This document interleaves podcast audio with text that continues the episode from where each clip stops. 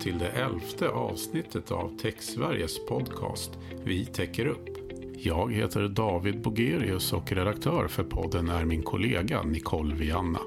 Vi ska djupdyka i den spännande rapporten Svenskarna och internet. En årlig undersökning som genomförs av Internetstiftelsen med syfte att bidra till fakta och insikter om hur användningen av internet i Sverige utvecklas. Det är en rapport som är oerhört intressant att följa som säger något om såväl den digitala utvecklingen som hur Sveriges befolkning använder sig av och ser på digitaliseringen och digitala tjänster. Till vår hjälp har vi Jannike Tillå som är affärsområdes och kommunikationschef på Internetstiftelsen. Jannike Tillå är expert på svenskarnas internetvanor och har dessutom lång erfarenhet från företagsvärlden. Då säger jag varmt välkommen Jannike Tillå, affärsområdes och kommunikationschef på Internetstiftelsen till Vita Grupp-podden. Tack så hemskt mycket. Hur står det till med dig? Det är fint. Du är ju här och ska berätta om Internetstiftelsen. Hur ser din roll ut där?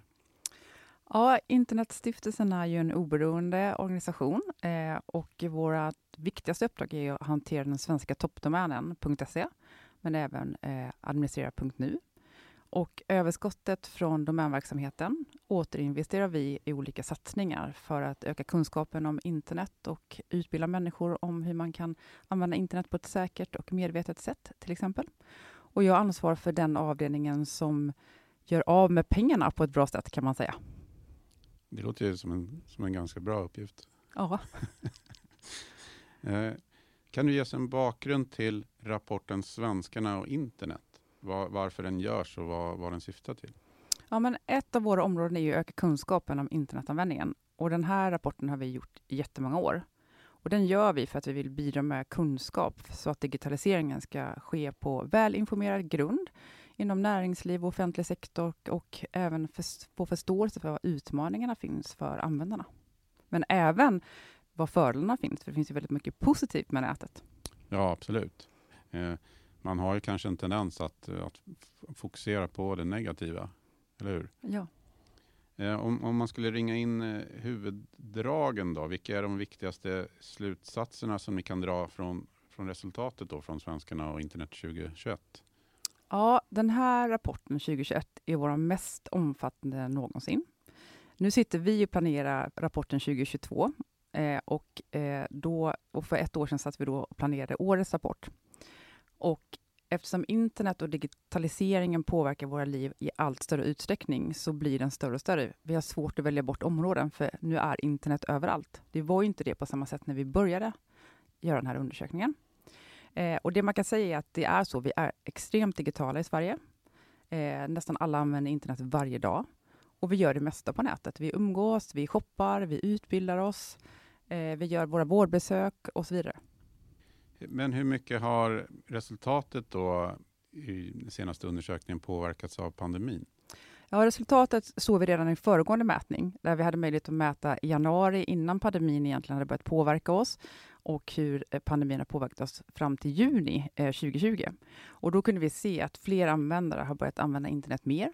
Eh, vi kunde se att fler användare har börjat e-handla och vi kunde se att fler användare också har börjat anamma digitala samhällstjänster, såsom vårdbesök och annat. Vi kunde också se oh, att det finns utmaningar med utanförskap, att alla inte klarade av att ta det digitala klivet under pandemin och då fick kanske en extra utmaning och ett extra utanförskap på grund av det. Men tittar man på årets undersökning 2021, vår stora huvudrapport, så ser man att de digitala beteendena som vi kunde se började öka under 2020 har vi med oss. Vi är mer digitala än någonsin. Vi gör det mesta på nätet. Och jag antar att man, man kan se skillnader och förändringar även när det gäller olika till exempel åldersgrupper? Ja, vi kan ju se, alltså internet, alltså penetrationen i Sverige är ju så hög och den har varit ganska mättad i många eh, målgrupper. Eh, men vi ser ju att tillskottet kommer i de äldre användarna. Men fortfarande så har vi en bit kvar bland de som är allra, allra äldst. Så utanförskapet som vi pratar om, det digitala utanförskapet, det är som allra störst bland 20 och 30-talisterna i Sverige. Men vi ser även att 40 och 50-talisterna ligger en bit efter. Om man ser då som du, som du sa, då, så ligger Sverige relativt bra till jämfört med, med andra länder när det gäller då den digitala kunskapen och utvecklingen och så har och kunde ju ställa om ganska snabbt till, till bland annat eh, distansundervisning, distansarbete och handla online och sånt under pandemin. Och, vad ska man säga, hur, hur viktigt är, var det och är för samhället? Ja, det var ju helt avgörande för att vi skulle klara av den här förändringen på så snabb tid. Eh, att vi har en bra uppkoppling i nästan varje hem i Sverige. Eh, att vi har eh, olika devices att koppla upp oss på, att vi har en grundläggande kompetens, gjorde ju att vi kunde flytta hem vårt arbete väldigt kort varsel. Vi kunde hjälpa våra barn att delta i distansundervisning. Även om vi då ser i undersökningen att just distansundervisning är någonting som har fungerat sämre hos barnen ungdomarna, medan vi som har haft möjlighet att jobba på distans under den här perioden har tyckt att det har funkat väldigt bra. Mm. Ja, jag blev imponerad av eh, eh min yngsta dotter till exempel som, som gick i gymnasiet då när pandemin bröt ut och hur, hur snabbt eh, de kunde slå, slå om och till en ändå, jag menar efter förutsättningarna, effektiv utbildning. Och det, det trodde jag faktiskt inte att, det, att det, det skulle gå så snabbt. Nej, jag håller helt med. Här har skolan dragit ett enormt lass och många har ju inte kompetensen i skolan. Många tycker att det här är en svår fråga att hantera som lärare, pedagog, men även annan personal på skolan. Och att de då snabbt fick hitta nya sätt, det är ju fantastiskt att de klarade det. Sen så ser ju vi också i undersökningen att barnen tycker att det har varit svårt att ta till sig kunskap, men det var ändå en möjlighet att fortsätta undervisningen under den här perioden. Och jag hoppas ju att mycket av det vi lärde oss om den här perioden i skolan, att man kan ta med sig det framåt. Jag tänker på de här hemmasittarna som faktiskt kan delta i undervisningen.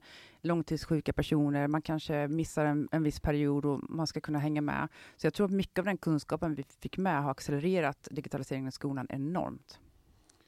Vad tror du då att eh, om man även ser till till eh, andra digitala vanor och sånt som ökade då till exempel att handla på internet eller att Eh, ha social kontakt med, med varandra på, över Teams och Zoom och sånt. Eh, tror du att det kommer att vara en, att förändringen är bestående eller kommer man, de, många att gå tillbaka till, dem, till gamla vanor? Nu var ju den här tiden väldigt speciell och exceptionell på många sätt, men vi kan inte någonsin se bakåt att de nya vanorna har förändrats och att man har gått tillbaka till något tidigare sätt att leva. Så jag tror faktiskt att mycket av det vi har tagit med oss och lärt oss under den här perioden kommer vi fortsätta med. Jag tror att många har upptäckt de bra sakerna med nätet och det digitala. Eh, och jag tror att vi inser att eh, vi är på en resa som vi kommer fortsätta på och det är bra att så många som möjligt har hoppat på och är med. Mm. Rapporten då, Svenskarna och internet, det är ju en del av World Internet Project där Eh, ett, som är ett internationellt forskningsprojekt med 30-tal länder. Eh, kan du säga något om hur Sverige står sig då i jämförelse där med andra länder? Nu har utvecklingen för World Internet Project gått lite åt olika håll i olika länder, så vi har inte så mycket jämförbara siffror. Men om man tittar på andra typer av mätningar, som det här DC-mätningen som finns till exempel inom EU, där ser vi att till exempel att vi i Sverige har eh, till stor del hög eh, grundläggande digital kompetens. Vi är hyfsat uppkopplade. Här har vi viss skillnad mellan landsbygd och stad till exempel, men vi, på många sätt ligger vi i topp 3-4 eh, när det gäller digitaliseringen. Man kan fortfarande konstatera att Sverige är långt framme helt enkelt. Ja, verkligen.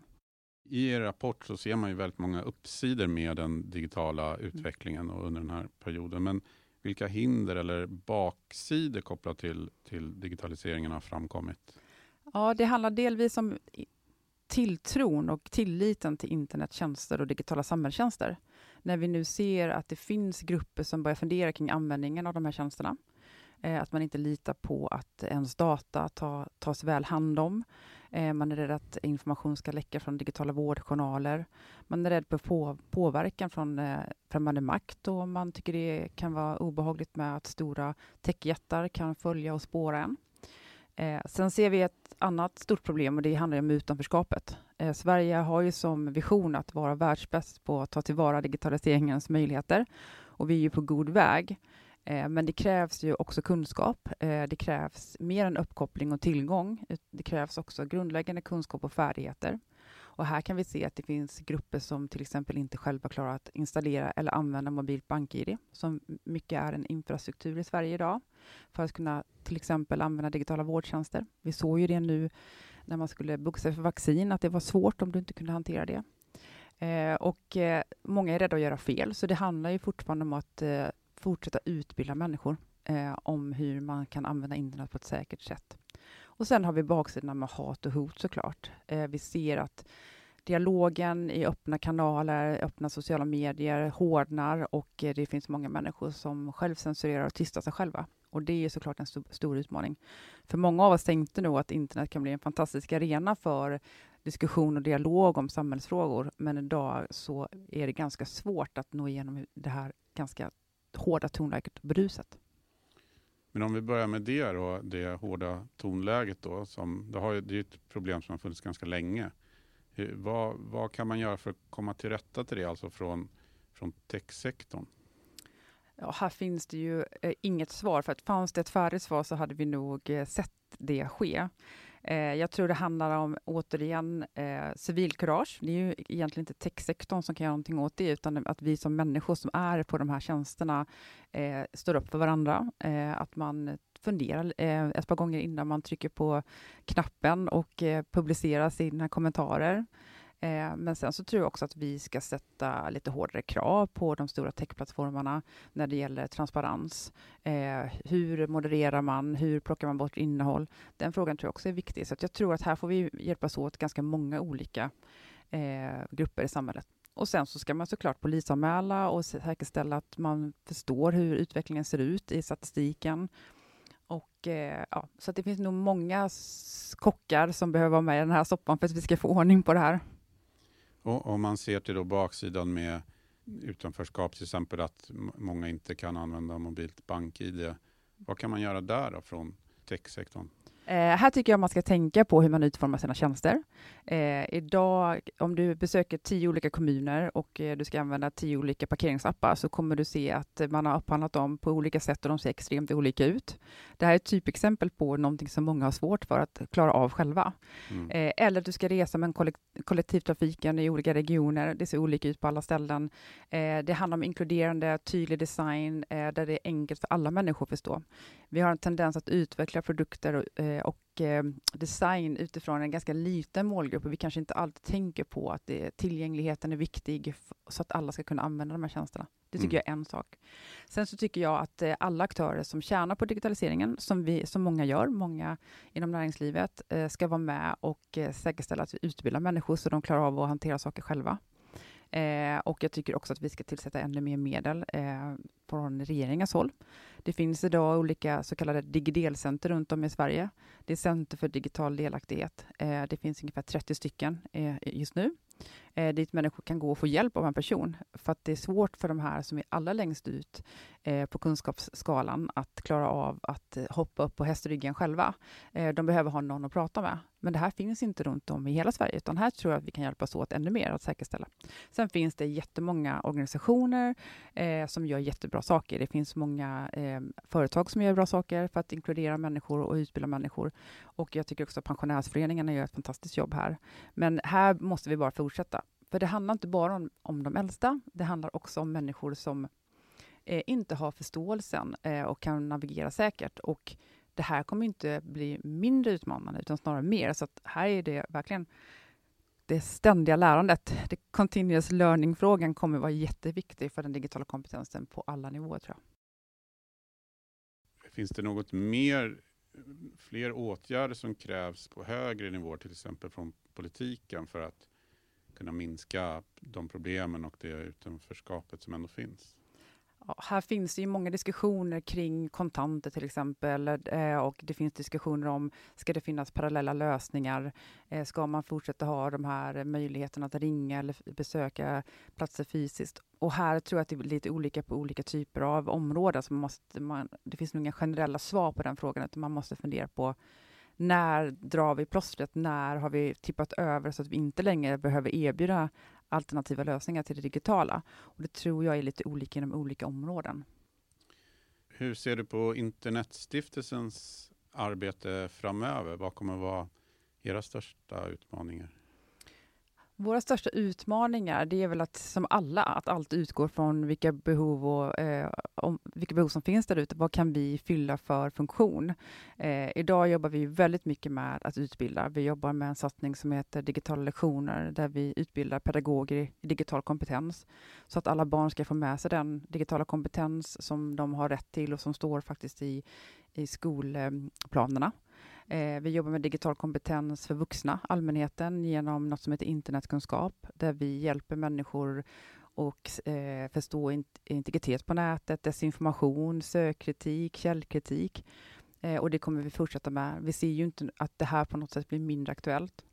Eh, vi kommer fortsätta mäta såklart ännu mer. Vi kommer snart komma med vad vi kallar en valspecial, som vi gjorde 2018 också eh, en valspecial av Svenskan och internet, där vi tittar lite mer på det, den politiska diskussionen på nätet och nätet som arena för, för politik, som vi tycker är spännande. Vi kommer fortsätta rota lite i det här nya typer, typen av utanförskap, där man kanske själv väljer att inte vara med för att man inte har tillit, tycker vi är lite intressant att förstå lite mer om. Jag tror att det kommer att bli extremt viktigt för alla. Och alla bolagen eh, ute måste ju såklart alltid jobba systematiskt med IT-säkerhet för att så fort någonting händer så skakar det tilliten. Så här måste ju alla bolagen hjälpas åt och vara transparenta, men också jobba stenhårt för att inte bli utsatta för olika typer av intrång. Och eh, Sen så jobbar vi mycket med mjuk infrastruktur. Vi jobbar mycket med eh, att möjliggöra öppna data, facilitera dialog mellan olika aktörer för att fler människor ska kunna använda den öppna data som finns i Sverige och fler bolag ska kunna använda den. Vi jobbar med standardiseringar. Så att vi, jobbar, rör oss lite överallt där vi kan göra nytta. Eh, och vi fortsätter såklart med våra mötesplatser. Vi har en mötesplats i Stockholm som heter GoTo10 och den finns också i Malmö och snart ytterligare en stad där vi liksom erbjuder en öppen plats för dialog, eh, kunskapsutbyte där man kan kostnadsfritt eh, eh arrangerar olika seminarier och hackathons. Vi har vår stora konferens Internetdagarna som sätter strålkastarljuset på de riktigt stora frågorna. I år hade vi till exempel med Maria Ressa som är Nobels fredspristagare i år och eh, som pratade om eh, de olika techplattformarnas roll i informationssamhället och utmaningarna med det. Så att vi rör oss och vill säkerställa att det finns en pågående dialog om alla sidor på nätet. Eh, vi vill möjliggöra en utveckling för ett öppet internet i Sverige fortsatt. Eh, och vi fortsätter med våra utbildningsinsatser för att säkerställa att människor kan, vågar och vill använda internet. Det låter som ni, att ni har en del att, att stå i. Ja, och det är också världens roligaste ställe att jobba på. Det är ett fantastiskt ställe. Du nämnde ju där eh, valet och politikerna. Finns det någon särskild fråga eller frågor som du skulle vilja eh, fick ta plats sen när, när valåret kommer igång med debatter och allt sånt? Alltså det är ju de här, det är ju de här baksidorna eh, som man vill såklart lyfta. Eh, det handlar ju om fortsatt arbete med att den digitala kompetensen fortsätter öka. Eh, sen har vi ju såklart uppkopplingsfrågan där åtta av tio tror jag i Sverige har tillgång till snabbt bredband, men det ser inte så ut på landsbygden. Där måste vi, ska vi kunna ta tillvara på eh, internets möjligheter så måste även hela Sverige ha en snabb uppkoppling. Eh, sen så är det fortsatt också frågorna om hat och hot och klimatet. Eh, för att allting hänger ihop. Tilliten till internet och digitala tjänster eh, ruckas ju när det, när det är en ganska negativ stämning, när, när intrång sker, vi läser saker i media och till slut hamnar vi kanske i en situation att tilliten för samhället går ner i takt med att det digitaliseras. Avslutningsvis, då, har du något medskick till techföretagen eller hela techsektorn i stort utifrån rapportens resultat? Utifrån rapportens resultat så, så tycker jag att det viktigaste att ta med sig är designen så att alla kan se och förstå de här tjänsterna. Eh, och sen så tycker jag att det också är väldigt viktigt att vi fortsätter prata om tillitsfrågorna och att eh, alla bolag jobbar systematiskt med IT-säkerhet och är transparenta när saker händer eh, på ett ansvarsfullt sätt. Och vill man veta mer och läsa all, allt som finns i den här rapporten så har ni en bra adress på, på nätet. Ja, rapporten finns på svenskan och internet.se där kan man borra sig ner och man kan ladda ner tabeller och man kan göra egna korskörningar och man kan sitta där i några veckor tror jag. ja, stort tack Jannike Tillo för att du ville vara med i Vitek podden Tack så hemskt mycket.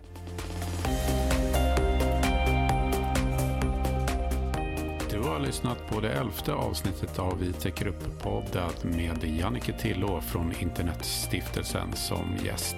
Vi är strax tillbaka med nya avsnitt.